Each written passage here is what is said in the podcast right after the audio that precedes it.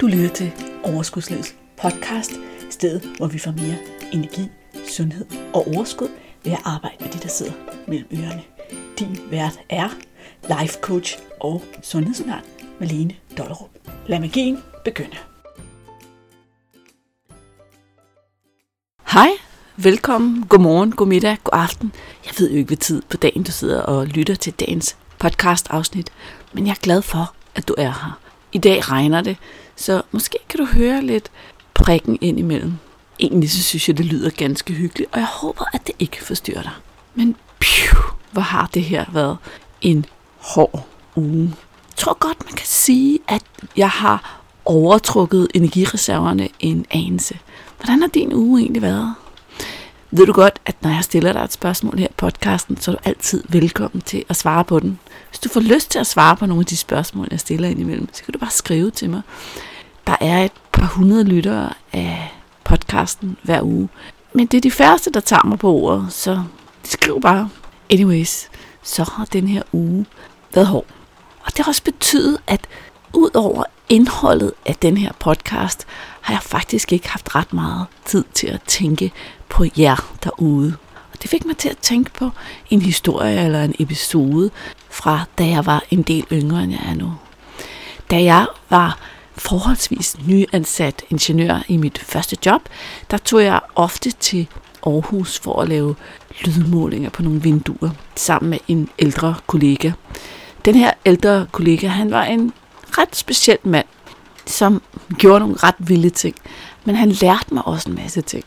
Og en dag så siger han til mig, Malene, vi ingeniører, vi burde virkelig blive betalt meget mere for vores job. Når man tænker over det, så er vores timeløn virkelig dårligt.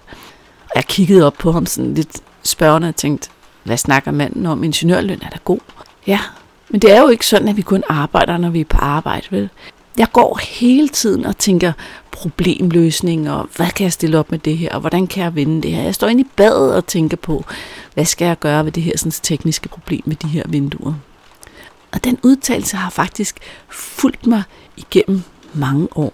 Fordi i alle de mange år, jeg har arbejdet som ingeniør, der skete det faktisk forholdsvis sjældent for mig, at jeg tog et teknisk problem med hjem og gik og tænkte over det og grublede over det i badet.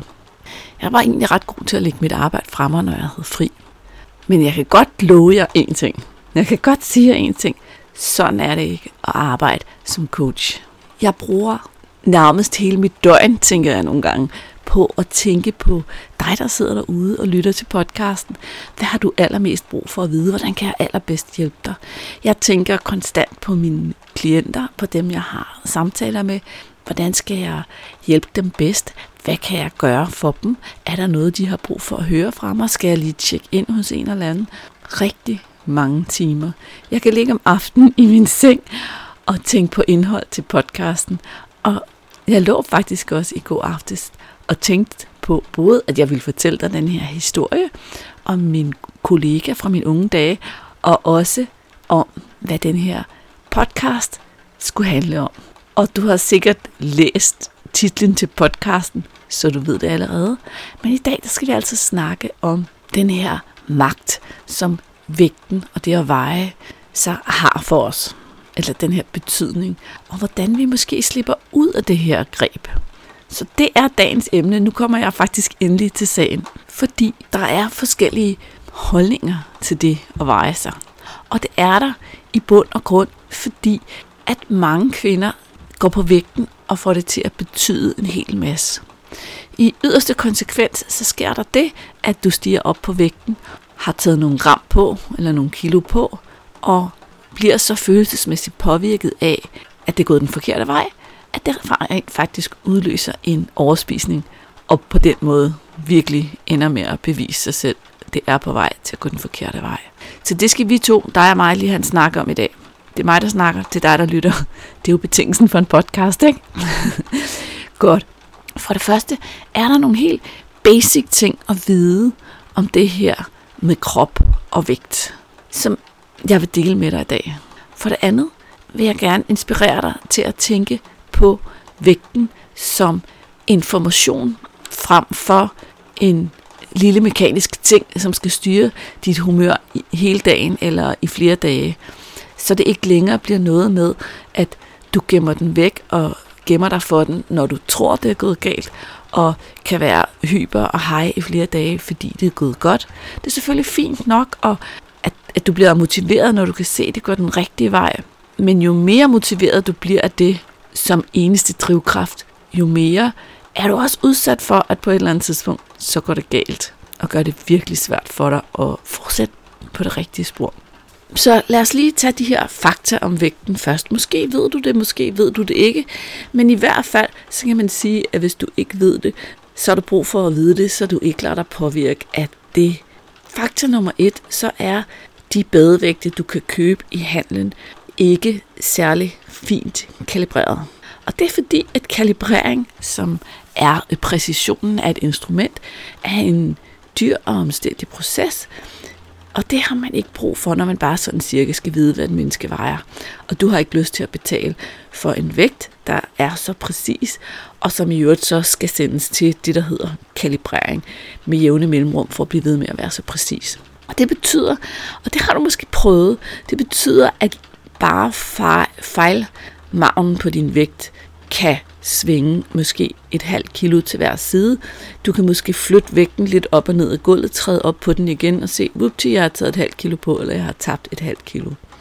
Det betyder også, at hvis du vejer dig på din vægt, og går hjem til en veninde eller en familiemedlem og står op på deres vægt og vejer noget andet, så er det ikke, fordi du har taget på eller tabt dig, men igen fordi, at præcisionen af det måleinstrument, du stiller dig op på, ikke er særlig høj, og derfor så starter den bare med et andet udgangspunkt. Jeg, sidste gang jeg fik ny vægt, der tror jeg faktisk, at jeg tabte halvandet kilo. Eller så tør det på, det kan jeg faktisk ikke helt huske. Men du ved, jeg vejede bare noget andet, og det var ikke bare den ene dag, det var hver dag. Og det var jo ikke fordi, jeg fra den ene dag til den anden havde taget på eller tabt mig, men på grund af, at vægten nu engang bare har den præcision, den har. Så fakta nummer et, aldrig gå i panik, når du stiller dig op på andre menneskers vægt og vejer det sammen noget andet. Det betyder også, at går du til vejning hos en læge, eller en diætist, eller vejer du dig jævnligt nede i et eller andet træningscenter, eller sådan noget, og vejer noget andet, end du vejer derhjemme. No worries. Du har ikke taget fedt på, du har ikke tabt fedt. Der er bare to forskellige måleinstrumenter, der starter på et forskelligt udgangspunkt. Okay, nu gik vi lige på og hårdt med det ret nørdetekniske omkring et måleinstrument, som en vægt jo er. Men en vægt er jo bare en klump af forskellige materialer, der står på gulvet. Den er ikke, har ikke nogen magt til at styre dine følelser og tanker. Det er dig, der kan styre dine tanker, det er dig, der kan styre dine følelser, og det kommer vi tilbage til. Men det var altså fakta eller data nummer et om vægten, du skal have i baghovedet, inden du lader dig styre af resultatet på vægten. Fakta nummer to er plain and simple. Det er 100% normalt at veje mindst om morgenen, når du står op og lige står ud af sengen. Måske har du lige tisset, og så vejer du dig.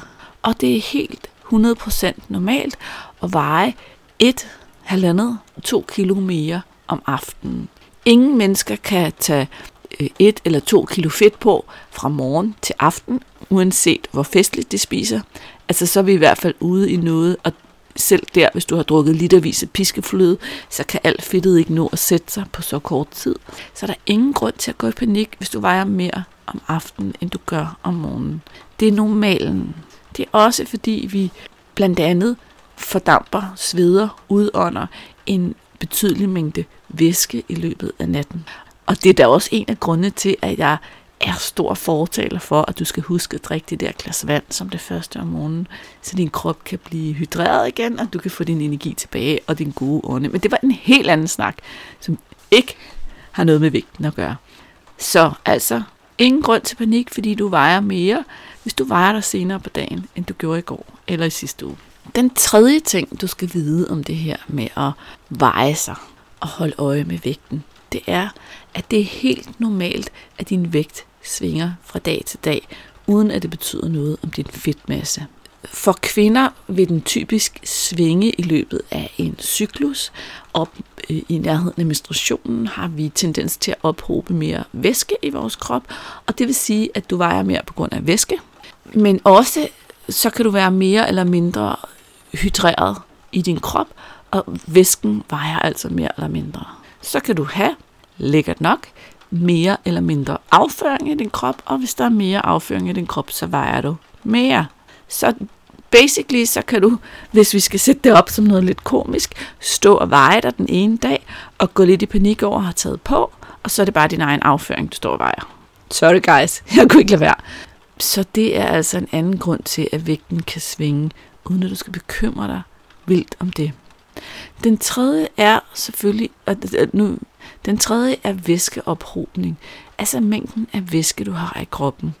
Du binder væske også i dine muskler, og blandt andet så kan du opleve, hvis du har været ude og spist rigtig mange kulhydrater, du har måske været til en festlig aften, hvor der har været brød og dessert og drinks eller hvad ved jeg, og så kan du godt opleve at stå på vægten næste dag og tænke, for pis, eller nej, jeg ved ikke, hvad man må sige en podcast. Det kostede bare et kilo på vægten, det der. Og det selvfølgelig, hvis du har spist virkelig godt, så kan det godt koste noget på vægten at gå til en festlig aften. Men meget af det, du ser på vægten næste dag, når du har været ude og spise mange kulhydrater, det er fordi, at kulhydraterne binder væske i dine muskler, og det er det, du står og vejer. Så med de tre faktorer i mente, så giver det måske mening for dig, når jeg siger, at det ikke er unormalt for en kvinde at opleve sin vægt svinge med et, halvandet, for nogen, alt efter hvor væskebindende det er, helt op til 2 kilo, og det ikke betyder, at du har taget 2 kilo på. Det behøves det ikke betyde. Så ro på, når vægten en enkelt dag eller to går den forkerte vej. Husk dig lige på, for eksempel, hvor jeg er i min cyklus? Hvad lavede jeg i går? Jeg ved ikke med dig, men jeg har jo prøvet alt muligt med min vægt. Og blandt andet så oplevede jeg på et tidspunkt også det her med, at det, hvis jeg stod på vægten, og så var jeg ude at løbe en tur, og så kom jeg tilbage, og så vejede jeg mig igen, og så havde jeg tabt mig. Og det har jeg jo ikke, fordi jeg har været ude at løbe en tur, men fordi der nu er mindre væske i min krop. Jeg kan også godt røbe, at nu jeg allerede har sagt afføring i den her podcast, at jeg har også sådan to store drenge, på, ja nu er de 18 og 20, men jeg tror det er en, øh, to år siden, de havde den her samtale. Åh oh, mand, jeg var ude på toilettet, og jeg skulle bare lægge en dej. Og så vejede jeg mig, og så gik jeg på potten, og så vejede jeg mig igen, og jeg havde tabt et halvt kilo. og så var de helt op at køre. Så ja, det betyder rent faktisk noget, hvad det er, du har i din tarm, når du vejer dig. Så medmindre du har ekstrem øh, regelmæssig afføring samme mængde hver dag, så har det altså også indflydelse. Nu skal jeg nok lade være at snakke mere om det i podcasten her. Det her var de grundlæggende data, som kan berolige din hjerne fra at gå i panik, når du vejer dig og stiller dig op på vægten. Så lad os snakke lidt mere om tankerne og følelserne og hele konceptet, skal jeg veje mig, eller skal jeg lade være? Der er forskellige meninger om det her ude i den store verden, og der er en del efterhånden, der er fortalere for at stille vægten øh, ind i bunden af skabet, eller smide den ud, og lade, være, og lade, lade sig være slave af vægten.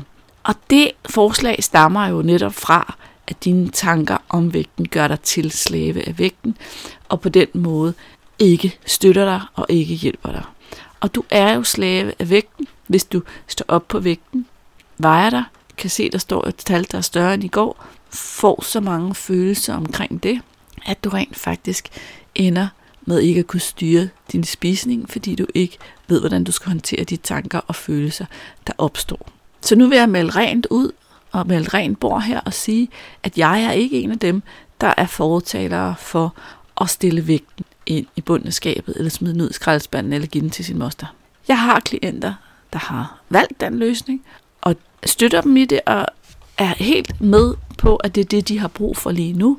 Men basically, så er min holdning, at i stedet for at gemme problemet, nemlig at, at du ikke ved, hvordan du skal håndtere dine tanker og følelser omkring det, der står på de data, du modtager, når du vejer dig, så lær at håndtere det. Lær, hvad du skal stille op med de data, så det ikke betyder, at du overspiser, og så det ikke betyder, at du får dumme, grimme tanker om dig selv. Og det vil jeg så fortsætte med at inspirere dig lidt til i den her podcast. Og prøve at inspirere, hjælpe dig lidt til ikke at få et tal på vægten til at ødelægge din dag. For at gøre det, eller inden vi gør det, så skal vi lige snakke om den model, som jeg ofte snakker om her i podcasten, måske nemlig, at vores tanker om noget er altid det, der styrer vores følelser, og vores følelser er altid det, der styrer vores handlinger. Vores handlinger giver resultatet, og resultatet beviser vores tanker. Lad mig give dig et eksempel.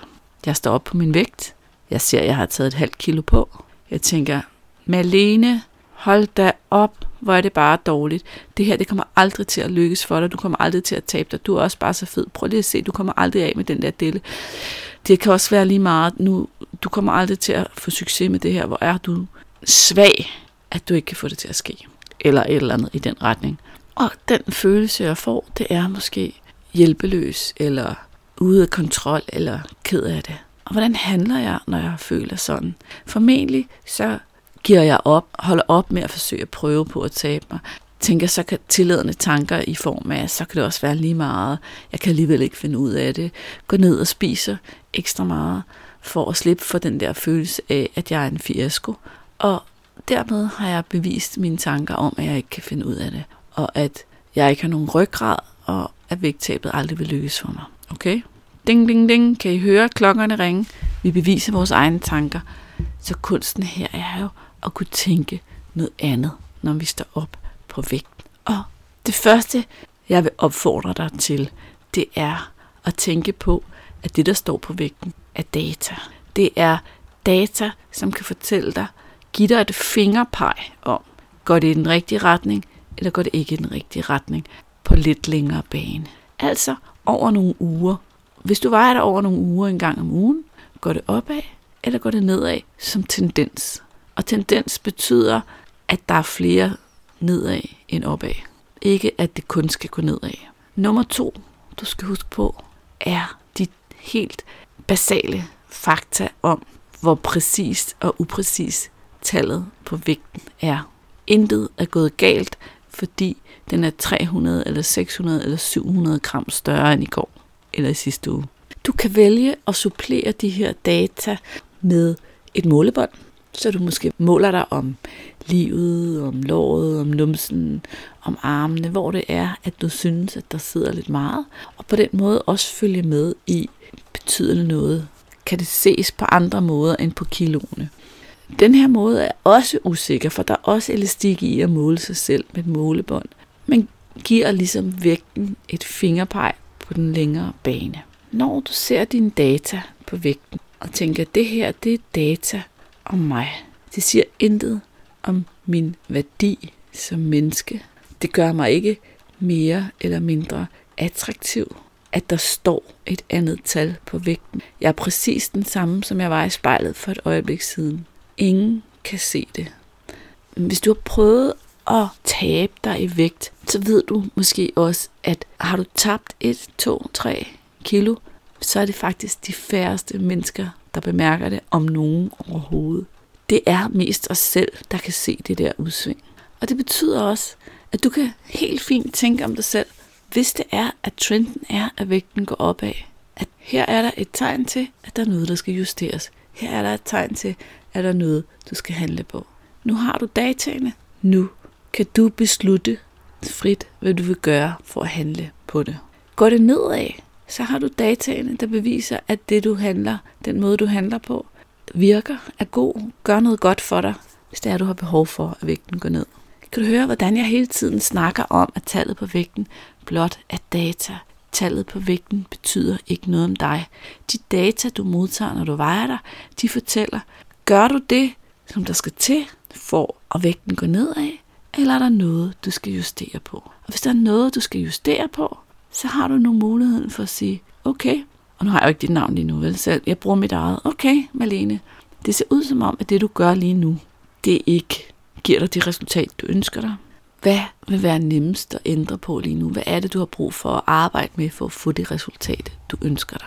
Ved du allerede godt, hvor det er, at de her sådan, overflødige kalorier stammer fra, som gør, at trenden på din vægt er opadgående? Og hvad kunne være godt at gøre ved det? Hvad er det, du har brug for, for at ændre på det her? Og her er det så, at mange af os vi falder i den næste fælde. Den næste fælde, som handler om, jeg skal bare klemme ballerne sammen. Nu skal jeg bare have noget viljestyrke. Nu skal jeg bare de næste tre uger ikke røre drinks og is og kage og chips og bare spise salat og protein morgen, middag, aften og komme ned på 1200 kalorier, og så skal det nok gå. Og det kan du selvfølgelig godt gøre, men det er faktisk ikke det, jeg mener. Jeg mener, hvad er det, du har brug for at justere på? Hvad er det, du har brug for at få til at virke, for at du ikke skal bruge så meget krudt på det, for at du ikke skal tænke så meget på det? Hvor er det, det hele tiden smutter? Og for mange, så handler det jo netop om, at vi har så lang en liste af forbudte fødevarer, at tingene de bliver meget sort-hvide. Tingene bliver meget alt eller intet-agtige. Og fordi de er så alt eller intet, og vi går med den her store forbudt liste, så er det super nemt at komme til, og nu laver jeg gåsøjne, at overtræde sine egne regler. Og når jeg først har overtrådt mine egne regler, så er vi tilbage til at tænke tanker om sig selv, der gør, at vi skaber følelser, der gør, at så kan det også være lige meget, og så fortsætter vi. Så måske har du bare brug for at skære noget væk, eller måske har du brug for at finde ud af, hvor er det, at du spiser på følelser, og hvordan kan du arbejde med det. Og hvis du genkender dig selv i det, jeg lige sagde her, så vil jeg kraftigt opfordre dig til at hoppe ind i podcast-feedet for Overskudslivets podcast og finde den episode, der har nummer 72, som hedder Når alt eller intet tankegangen spænder ben. Fordi det her er i høj grad noget, som rigtig mange af os kæmper med. Og måske ikke bare inden for mad, men også i andre områder af livet. Men alt eller intet tankegang er bestemt fodret af den fokus, der har været på at spise på en bestemt måde de sidste mange årtier. Og dem af os, der har en alder, hvor vi har flere årtier på banen, vi har været igennem alle mulige trends og har bevidst eller ubevidst oftest en kæmpe stor lang liste for, hvad der er forbudt at spise, som i sidste ende gør alting meget værre, end hvis vi kunne omfavne alt det tilladt tankegangen og kigge på vores mængder i stedet for. Og nu jeg er ved at logge dig tilbage til gamle podcast-episoder. Hvis du ikke har hørt episode 67 om elevatorvægt, så vil jeg bestemt også anbefale dig den. Jeg sætter selvfølgelig links til begge to podcast i episodenoterne, men det var altså alt eller intet tankegang og elevatorvægt. Og så kommer jeg lige til at tænke på, at hvis du kun skal vælge et afsnit at høre eller genhøre i Overskudslivets podcast, så jeg vil faktisk bede dig om at gå lidt længere tilbage i podcast-feedet, helt tilbage til episode 56, som hedder Vægt, livskvalitet og selvværd. Fordi her snakker jeg om vægten og den betydning, det har, og hvordan vi skal holde op med at lade det betyde noget om vores værdi som mennesker. Her får du en kærlig henstilling, opfordring, opsang fra mig, som du helt sikkert har brug for at høre. Den varer bare 20 minutter, så gå ind og lyt med. Episode 56. Vægt, livskvalitet og selvværd. Den vægt skal ikke bestemme din livskvalitet. Din livskvalitet afgøres af dig, af hvad du laver, af hvem du omgiver dig med, af hvad der sker i dit liv. Men hvis jeg lige skal summere op, hvad der har været den her episode af podcasten, så vi kan komme tilbage her til episode 81, så er det altså, at når du går på vægten, så husk, at det blot er data, der ikke siger noget om dig som person og at disse data er forholdsvis upræcise. Din vægt kan af mange årsager svinge op til halvandet til 2 kilo i løbet af din cyklus og på grund af forskellige omstændigheder inde i din krop, fordi din krop er en fint arbejdende mekanisme, som indeholder en hel masse andre ting end fedt. Den indeholder muskle, den indeholder væske, den indeholder væv, den indeholder organer, den indeholder alt muligt. Så får jeg også lyst til at tilføje, at det at få vægten til at gå ned i, kan opleves meget forskelligt fra person til person. Det fungerer meget forskelligt fra krop til krop. Nogle kvinder oplever, når de går i gang med at ændre på deres vægt og gerne vil have deres fedtmasse ned, at det går stille og roligt steady derudad. Trin for trin for trin taber de lidt hver uge. Som tendens er det nedadgående nogle uger mere, nogle uger mindre. Men det er faktisk de færreste, der har det sådan. Andre oplever, at det kan gå stærkt i starten, for derefter at ramme det et plateau, hvor der ikke rigtig sker noget i nogle uger, og så fortsætter den nedad. Hvis man er en af den slags kvinder, så er det klart, så gælder det om i de uger, hvor der ikke sker noget, at holde fokus på at gøre det gode. Andre igen, de oplever, at der i starten i ugevis måske nærmest ikke sker noget, selvom de egentlig har skabt alle mulige forandringer, selvom de har skåret en masse af det her sådan, nydelsesmad eller overspisningsmad ud af deres kost, så får de ikke rigtig resultatet. Og det er igen et problem det her med, at vi forventer belønningen, at vi synes, at vores belønning er, at vi kan se det her tal om på vægten, så vi kan få lov at tænke det her om os selv. Kunsten er at lære at tænke det her om dig selv, uden at se resultatet på vægten. Kunsten er at mærke ind i din krop. Ved du med dig selv, at du gør en forskel?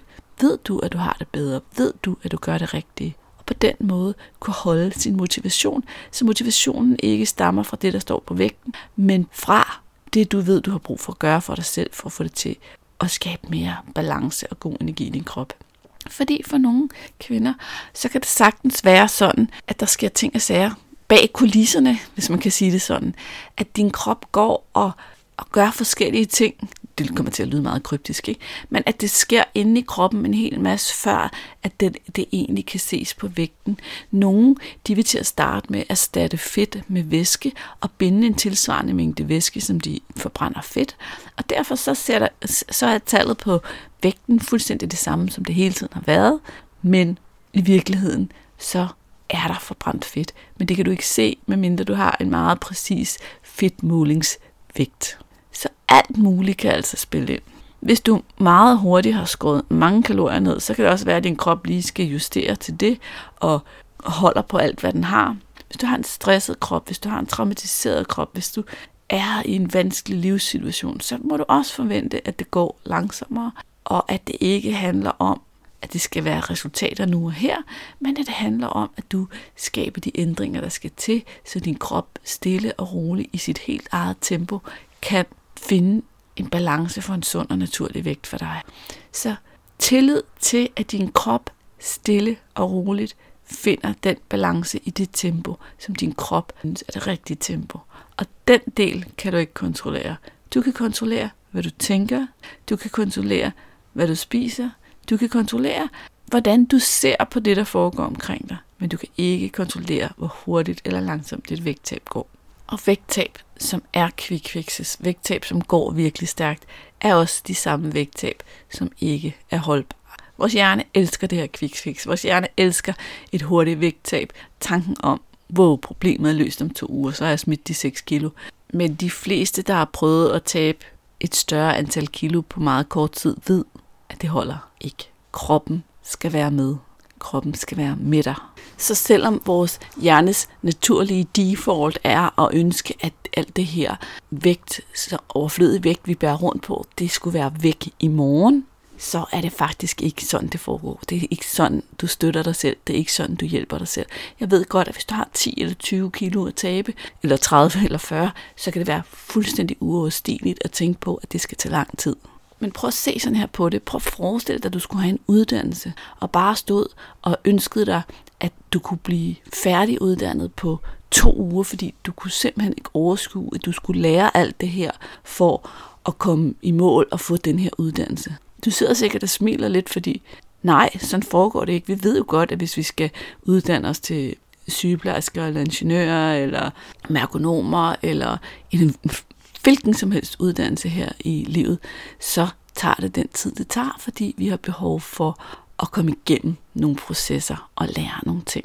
Og det er fuldstændig det samme med dig, hvis du ønsker et vægttab, hvor de data, du modtager på din vægt, er nedadgående, at så skal du igennem nogle processer, du skal lære nogle ting, der er nogle ting, du skal udvikle undervejs. Hvis du ikke lærer de ting, hvis du ikke tager den uddannelse, jamen så får du det resultat, der hedder, du kommer der ned, og så kommer du op igen, så er du tilbage til det her elevatorvægt-koncept. Så din vægt er bare en klump af metal og glas og hvad den ellers består af, som står nede på jorden. Den giver dig nogle data, og du vælger, hvad du vil tænke om de data, og så længe de ikke betyder noget om din værdi som menneske, og du ikke bruger det til at slå dig selv oven i hovedet med, så kan du bruge det som et redskab til at holde øje med, om den indsats, du laver, rent faktisk gør det, som du forventer af den indsats, og hvis den bliver ved med at gå den forkerte vej, uge efter uge, jamen så skal der justeres på den indsats, eller du skal gå ud og få den hjælp, som du har brug for.